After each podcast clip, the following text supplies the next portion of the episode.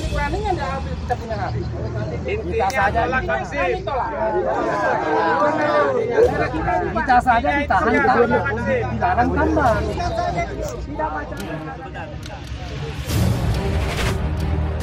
Sudah banyak yang gulung tikar pemilih-pemilih angkot. masyarakat Nunukan itu hampir dikatakan enggan untuk menaiki uh, angkot-angkot yang yang ada di Nunukan. Dengan perwakilan-perwakilan angkot di Nunukan bahwa menolak keras keberadaan Maxim di wilayah Nunukan. Teknologi saat ini sudah sangat maju. Dengan sosial media, berbagai aspek dan kebutuhan sangat mudah untuk dicari dan ditemukan. Salah satu bentuk kemajuan teknologi yaitu adanya transportasi berbasis online. Awal mula transportasi online muncul di Nunukan berjalan dengan baik. Masyarakat hanya perlu mendownload aplikasi melalui smartphone, kemudian membuat akun untuk login, setelah itu memasukkan alamat penjemputan dan alamat tujuan. Nantinya di aplikasi akan muncul tarif perjalanan yang harus dibayar saat tiba di tujuan. Perkenalkan, nama saya Syarifah. Jadi menurut saya, saya lebih memilih transportasi online karena transportasi online lebih lebih cepat, lebih mudah didapat dan nyaman. Walaupun inovasi ini sangat bermanfaat untuk masyarakat, namun seiring berjalannya waktu, ternyata banyak kontra dari berbagai kalangan. Kalau saya ini kan Bu sudah tua. Kalau saya menurut saya ini saya suka tak angkot karena memudahkan saya karena saya ini gaptek, nggak tahu tentang teknologi. Saya ini taunya yang eh, angkot-angkot di ini saja. Saya ini kan daerah saya jauh di Mamolo, baru saya orang tua. Kalau tentang aplikasi itu mana lah saya tahu Mbak. Jadi kalau kalau misalnya beli memilih mending saya angkot Alasan saya memilih angkot karena tarif angkot itu lebih murah jika dibandingkan dengan kendaraan pribadi. Dengan naik angkot, kita juga dapat bertemu orang-orang baru yang bisa kita ajak ngobrol hingga bisa menambah teman serta mungkin bisa menambah wawasan sih jika gitu. Dan kontra paling utama datang dari transportasi konvensional. Ada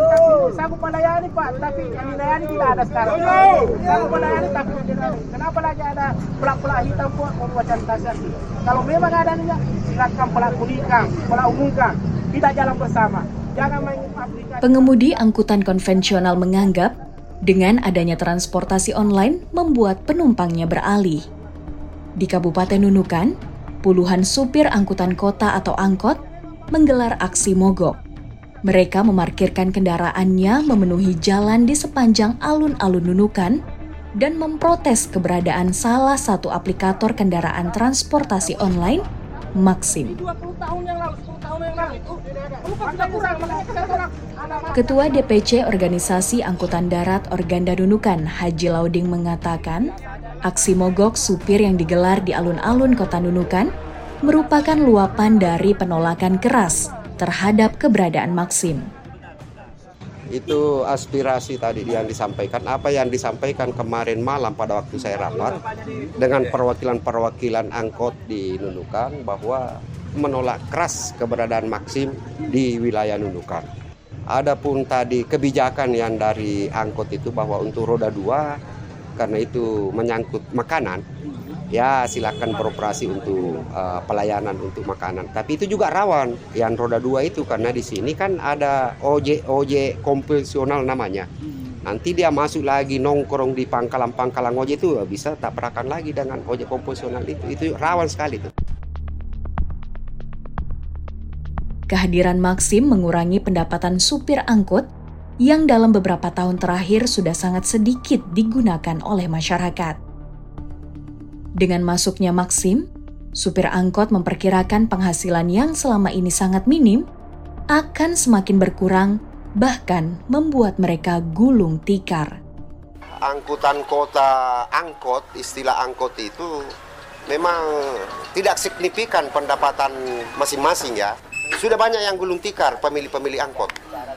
Sudah banyak beberapa uh, pemilih angkot di sini yang memiliki perusahaan angkutan darat memang sudah gulung tikar.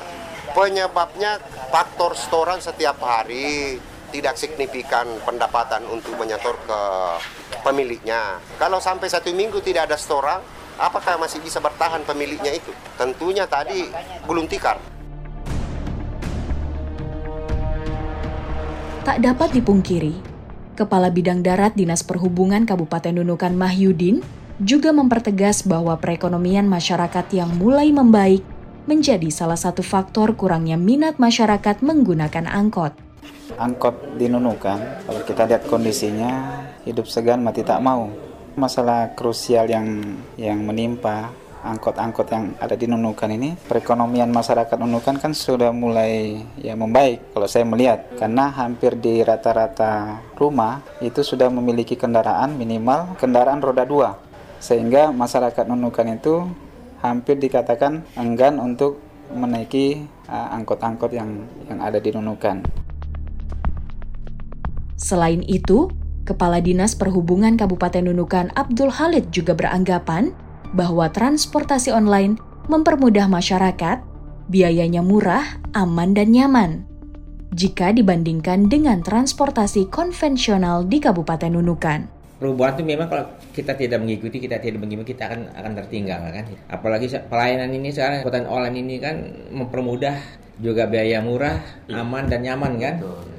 Sedangkan kondisi angkut angkutan di daerah ini kadang-kadang kita lihat kondisinya ya, yang saat ini kan kadang-kadang mereka juga uh, mungkin masalah perizinan trayek sudah mati, mereka juga tidak pernah membayar pajak sampai saat ini. Itu, itu yang jadi jadi agak kerepotan kita juga kan. Ini sudah ada ada berapa tahun itu kurang lebih? Kan izin-izin trayeknya kan per lima tahun kan itu?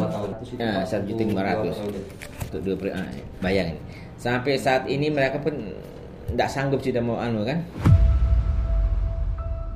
Mendengar hal tersebut, aksi protes supir angkot berlanjut hingga ke kantor Dinas Perhubungan Kabupaten Nunukan.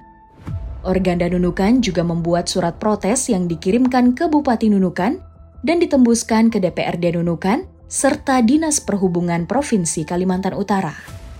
Bupati Nunukan pun langsung memberikan tanggapan bahwa dirinya menunggu OPD terkait melaporkan hasil rapat bersama Organda dan supir angkot di Nunukan.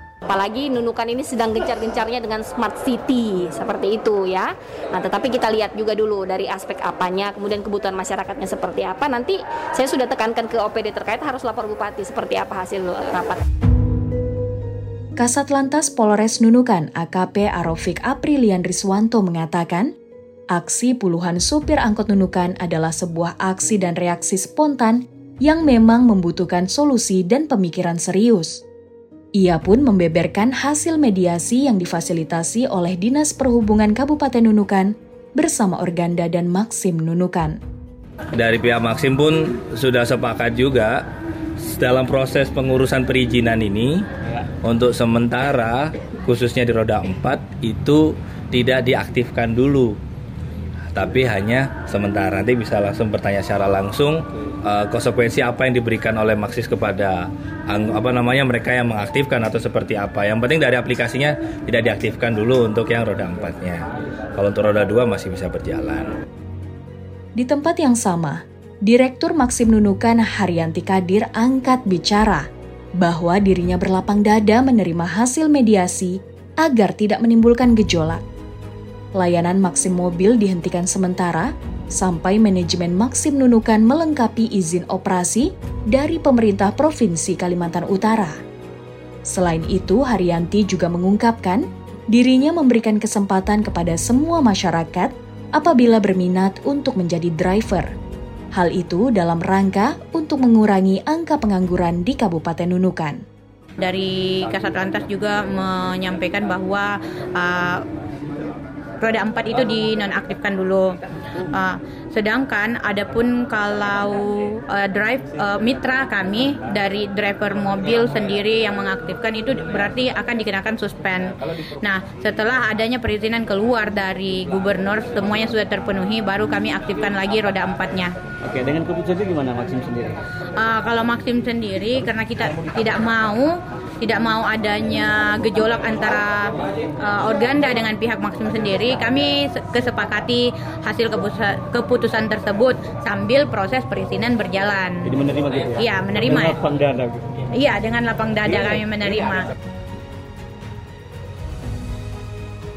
Iya, meski zaman sudah berkembang ke era digital, namun perlu adanya kebijakan terhadap belum siapnya para supir konvensional dalam perubahan zaman transportasi konvensional dituntut berbenah jika tak ingin punah.